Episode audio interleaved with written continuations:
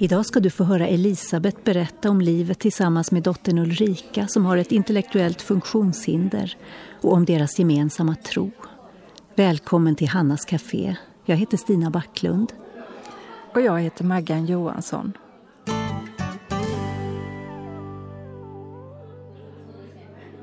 Du Stina, vi människor är unika och har olika förutsättningar.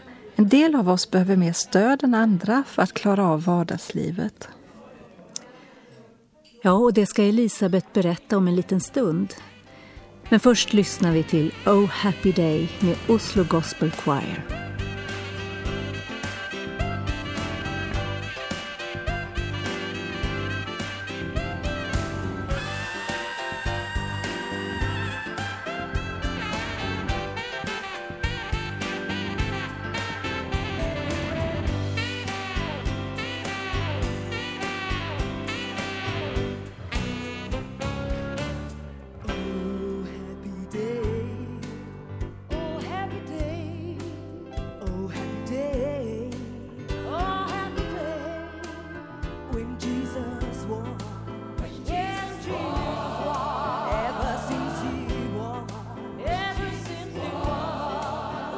Jesus washed. Yes, Jesus washed. He washed my sins away. Oh, happy day. Oh, happy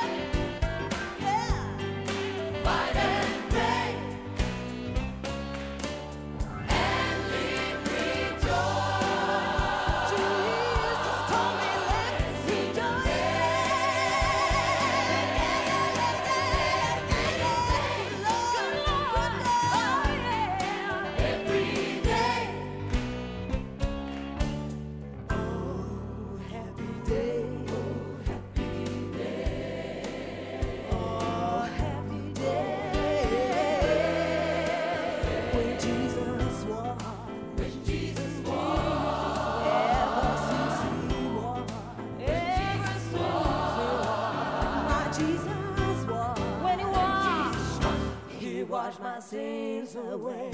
Oh, happy day. Ow, ow.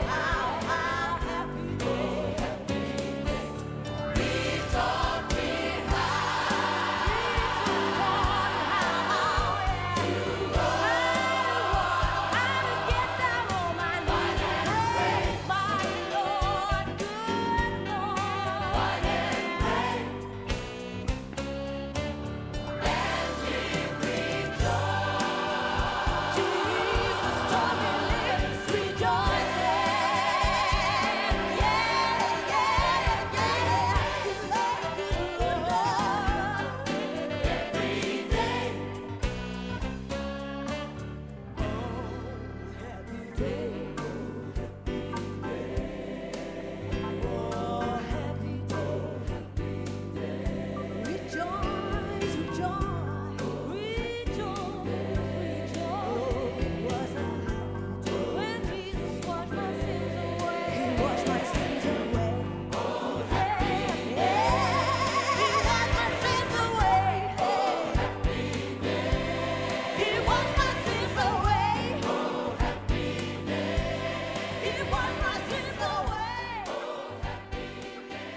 Det var en normal graviditet, en normal förlossning och inget verkade annorlunda den första tiden.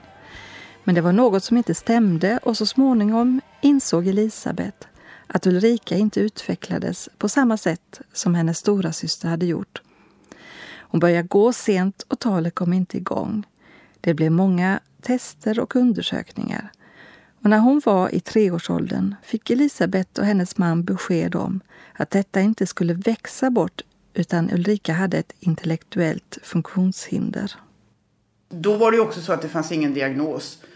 Eh, och eh, det har vi fortfarande inte fått fast Ulrika är 26 nu. Så att, och då blir det ju också väldigt svårt att, att ge en prognos. Alltså, vet man att det här är ett bestämt handikapp då kan man ju titta på hur har andra utvecklats och så. Men så var det ju aldrig för oss.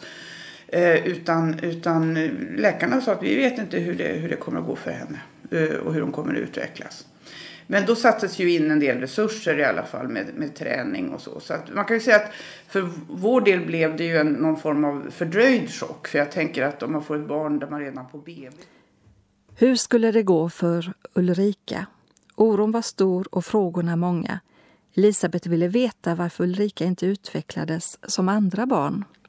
Det klart att det blir, men det, det drar ju igång väldigt mycket funderingar, tankar, oro, sorg. Eh, att få ett barn som inte kommer att utvecklas som normala barn. När man inte heller har någon direkt erfarenhet av det då, inte sett andra fall på nära håll och sådär. Hur kommer det här att bli? Så att eh, det är klart att de där första åren var eh, väldigt olyckliga. Sen hade vi nog ändå ett hopp och jag hade det väldigt tydligt och jag tror också att min man hade det att det kanske ändå går till sig så att hon kan börja vanlig skola. Hon kanske kommer behöva lite extra stödinsatser. Så att de åren fram till skolstarten då gick man liksom och tänkte ja men det kanske ändå, hon kommer nog igång och hon fick teckenspråksträning för att dra igång talet. Men och lärde sig teckenspråk men det kom aldrig igång särskilt mycket tal i alla fall och sådär. Så att skolstarten blev ju liksom en, en avgörande punkt då. Att, att då blev det så tydligt hon kommer inte att kunna gå i, i en vanlig klass. Och då kom ju också en stor sorg. Att vad, hur kommer hennes liv att bli och så. Under särskoletiden blev det ömsom vin och ömsom vatten. När klassens sammansättning ändrades och både lärare och elever byttes ut blev det en tuff tid med många bakslag. Det var svårt att få förståelse för vad Ulrika kunde och hur hon fungerade. Men så kom vändningen. Sen när hon började på högstadiet då hamnade, hon, då, då, då hamnade vi, ja vi fick välja mellan några olika och vi hittade en, en klass med en lärare som var helt fantastisk. Där Ulrika blev sedd för den hon var och fick utvecklas. Eh, en lärare som inte var så fyrkantig i att eh, nu har jag den här metoden och passar inte den så är det fel på eleverna. Utan den här läraren sa att man kan inte ha en metod för barn med handikapp. Man måste ha alla metoder och så får man välja den som passar just då. Och det kan vara det ena ena terminen och det andra nästa. Det får man vara öppen för. Och där blommade ju lika upp då under, under högstadiet och även under, under gymnasiet sen så, så var det väldigt bra. Men hur har det gått att hitta balansen i familjen? Och tågluffat med dem, till och med då var de ganska stora. Och då sa folk, ni är inte kloka, kan ni, hur ska Ulrika klara av det? Och det var det roligaste hon har gjort tror jag, den där sommaren när vi, när vi reste runt med ryggsäckar och bodde på konstiga ställen. Och, ja. Så att eh, på det viset, vi har nog, och jag tror att det kan hänga ihop med möjligen att vi inte fick diagnosen direkt. För vi blev aldrig någon handikappfamilj. Utan vi hade de här åren som vilken tvåbarnsfamilj som helst och det har nog hållit i och det tror jag har varit bra även för, för stora syster. Men visst är det ett bekymmer att hitta den här balansen. Det kan bli väldigt mycket fokus på det barn som har handikapp och, och att man så att säga glömmer den här som är duktig och klarar allt och sådär. Men om jag, jag tycker att det har gått bra i vår familj och eh, det beviset är väl då att, att de har en så bra relation nu. Ulrika trivs med livet. Ett eget boende i en gruppbostad, ett jobb på en daglig verksamhet och många vänner. Men hur är det för Elisabeth? Eh, och det är klart att då släpper ju en del av detta. Eh, det praktiska, att någon måste få iväg henne på morgonen, någon måste vara hemma när hon kommer hem. Hon klarar sig inte ensam mer än väldigt kort tid. Sen blir hon mer och mer självständig men hon måste ju ändå ha människor i sin närhet. Eh, så det, det släpp, alltså det, detta man säger dagisbarns föräldraskap. Att, att hela tiden eh, ha, någon är hemma. Vem tar, man sitter med almanackan på söndagskvällen. Hur gör vi på måndag? Nej, då måste jag jobba sent. Ja, men då måste du komma hem. Kan vi få hjälp på tisdagen av ledsagaren? Eller vad det kan vara. Det pusslandet, det slipper man ju. Men man, man kan ju aldrig släppa det här med att vara sitt barns röst. Eh, och det, den som ändå kan berätta om förklara också varför, varför tänk, vad, vad, när hon gör så där, vad menar hon då? eh, hon reagerar si och så, vad kan det bero på? De frågorna kommer ju hela tiden. Och det får man ju aldrig släppa. Och sen, jag är god man för Ulrika så det betyder ju att jag har till och med liksom laglig skyldighet att slåss för hennes rättigheter. Se till att hon har den omsorg hon behöver. Att hennes ekonomi fungerar, söka bidrag. Det, det tar ju aldrig slut. Det kan man ju i och för sig välja bort om man vill. Men för mig det har liksom känts naturligt att, att det, det, det ska någon av oss som känner henne bäst ta hand om. Eh, så att det, det och, och, men jag tror det viktigaste är det här att man är liksom man får svara för minnena, man får svara för trådarna bakåt och försöka. Sen kan det ju alltid hända saker som inte jag heller kan tolka. Nej, jag förstår inte vad hon menar. Jag förstår inte varför hon reagerade så. Så kan det ju vara därför att Ulrika utvecklas ju som alla människor och det är klart att hon är ju inte samma nu när hon är 26 som hon var när hon var 16. Men det är ju ändå det att det är vi som svarar för hennes, hennes historia bakåt och det kan man aldrig släppa. Det kan man ju på ett helt annat sätt göra med en, en, en, ett barn som, som eh, utvecklas normalt. Som själv liksom tar tag i sin historia och jobbar med den. Så det, det slipper man aldrig undan. Och det är ju också... Jag menar alla föräldrar tänker väl då och då på vad ska hända med mina barn och kanske också barnbarn och så när, när jag är borta en gång. Men det blir ju ännu tydligare när man har ett barn med handikapp att hur ska det gå? Eh, och det, är ju, det, det tror jag alla handikappföräldrar bär på. Även om man kanske inte alltid vågar sätta ord på det. Att hur, hur ska det fungera då? Hur ska hon klara det? Eh, och det, är ju, det, det, det, finns inget bra svar på det. Man kan, man kan förbereda men man kan ju aldrig veta hur det blir. Du delar kanske Elisabets erfarenhet och vet vad det innebär att behöva kämpa för att få ditt barns behov tillgodosedda. Stanna kvar här på Hannas Café så ska du få höra vad tron på Gud innebär både för Elisabet och för Ulrika. Nu lyssnar vi på Du vet väl om att du är värdefull med Carola.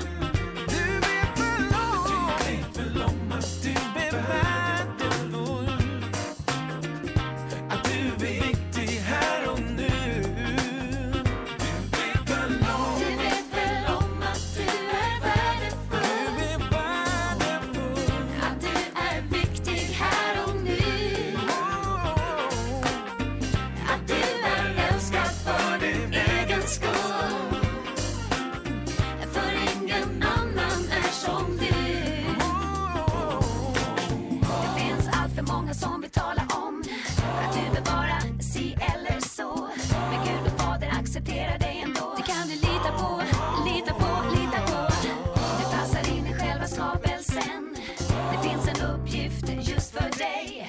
Men du är fri att göra vad du vill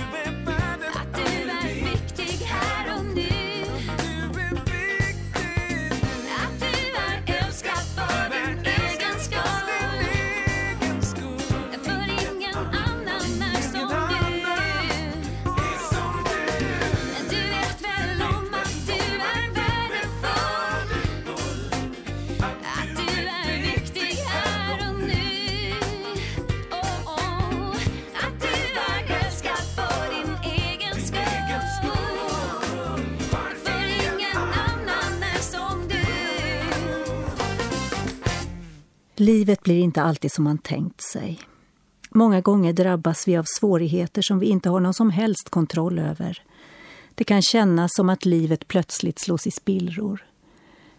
Men vi vill berätta om hoppet och hur relationen till Jesus gör att livet trots allt kan få en mening.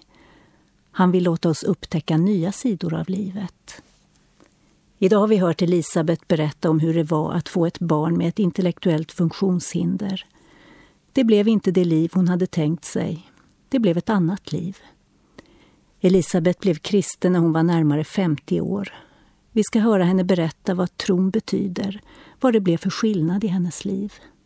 Det är ju en stor skillnad då för att ehm, jag, vi hade, jag var ju inte kristen när, när, jag, när Ulrika föddes och inte heller när hon växte upp utan jag mötte Gud på hennes konfirmation. När hon var 16 år och jag var 48. Eh, och det har ju gjort en enorm skillnad naturligtvis. Dels att, att Ulrika och jag delar tron, att, att Gud är väldigt viktig i hennes liv, att hon har en relation eh, till Gud som är självklar och enkel och inte problematisk och grubblande utan liksom väldigt naturlig. Och ibland kan jag ju vara avundsjuk då som har mycket mera grubbel och brus och sånt som stör. Eh, så att det är viktigt för henne som sådant då i, i hennes liv. Eh, och det är viktigt för oss tillsammans. Och för mig har det betytt också att jag jag har kunnat släppa det som, som jagade mig väldigt mycket eh, ända fram till dess jag blev kristen. Och det, vad beror det på? Vad är orsaken till hennes handikapp? Det var så oerhört viktigt för mig. När jag hör Elisabet berätta det här, att tron gjort att hon inte känner sig jagad att söka en orsak till Ulrikas funktionshinder, kommer jag att tänka på en saltarsalm i Bibeln. Den handlar om just det här, att slippa känna sig jagad och istället finna ro hos den ende som aldrig förändras.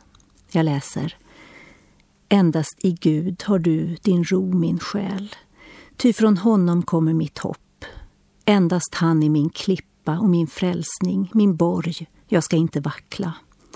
Hos Gud är min frälsning och min ära, min starka klippa, min tillflykt har jag i Gud.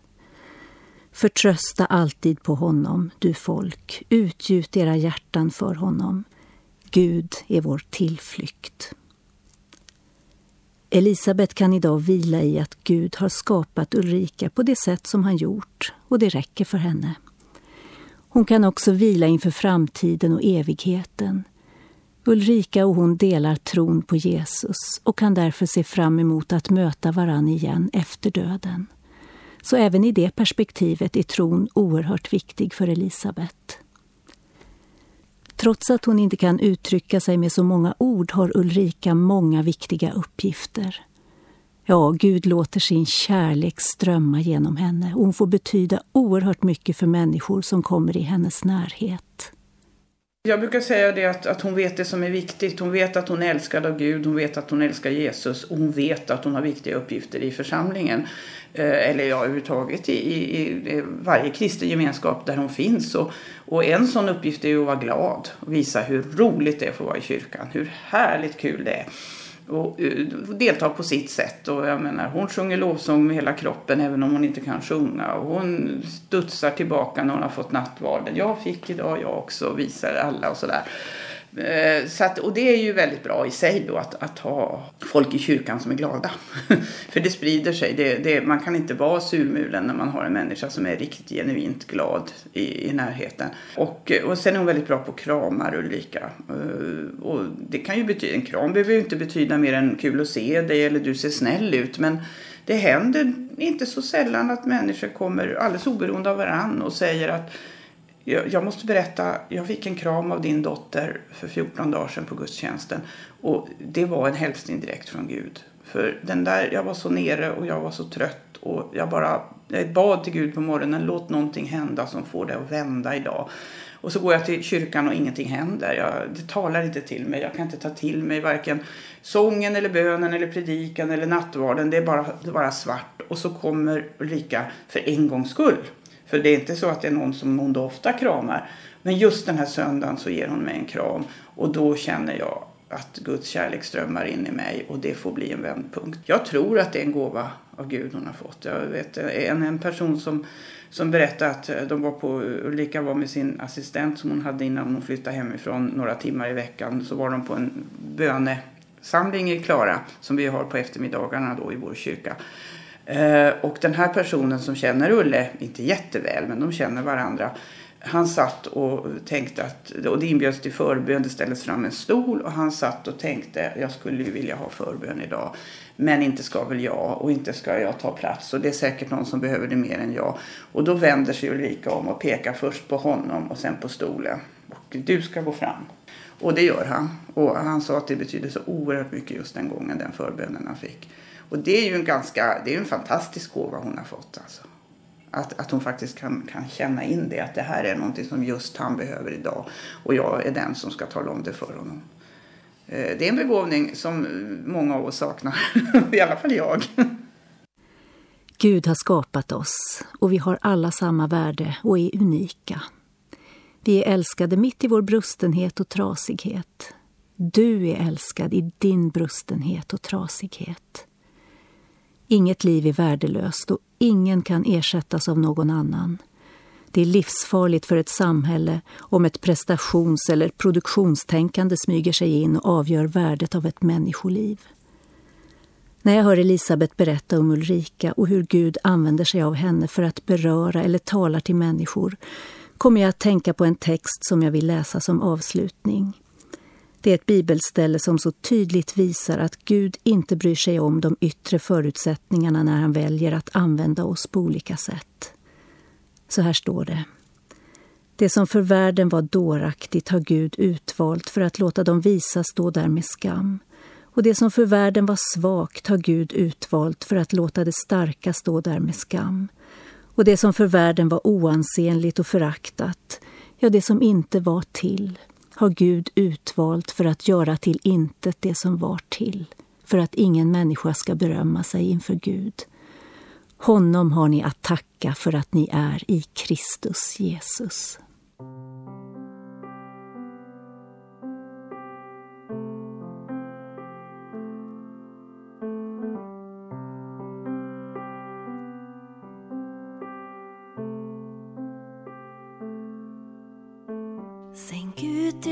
för mig tog åt sig. Vår värld en himmel blev för mig. Trots sorg och ve på jorden rår. Jag äger himmel var jag går. Och halleluja fröjd det är.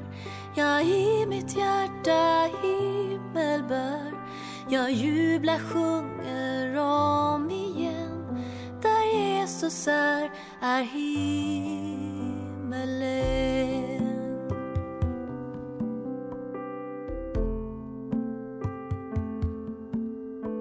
Så fjärran var mig himlen förr och sluten var mitt hjärtas dörr. Nu mörkret flytt och allt är väl. Ett himmelskt ljus lyst upp min själ. Och halleluja, fröjd det är. Ja, i mitt hjärta himmel bär. Jag jublar, sjunger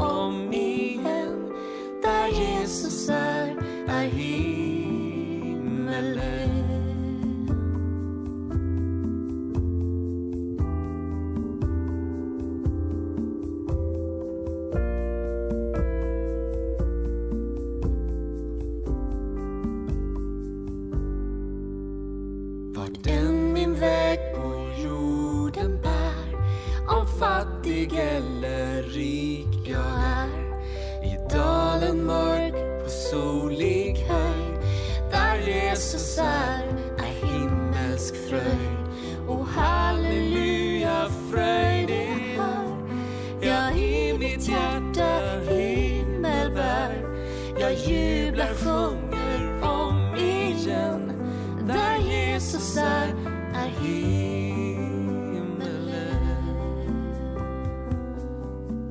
Är himmelen. Är himmelen. Oh. Oh, oh, Där Jesus är himmelen.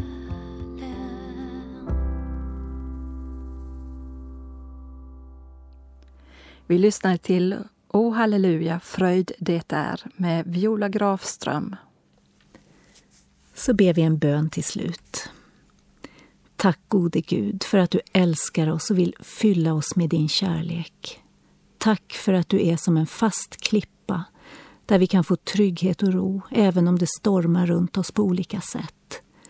Och tack för att du kan och vill använda oss i vår svaghet, att det är din kraft som bär. Och tack för att alla människor är lika viktiga för dig. Amen. Nu är Hannas Café slut för idag. Skriv gärna till oss. Adressen kommer strax. Vi hörs igen och var rädd om dig.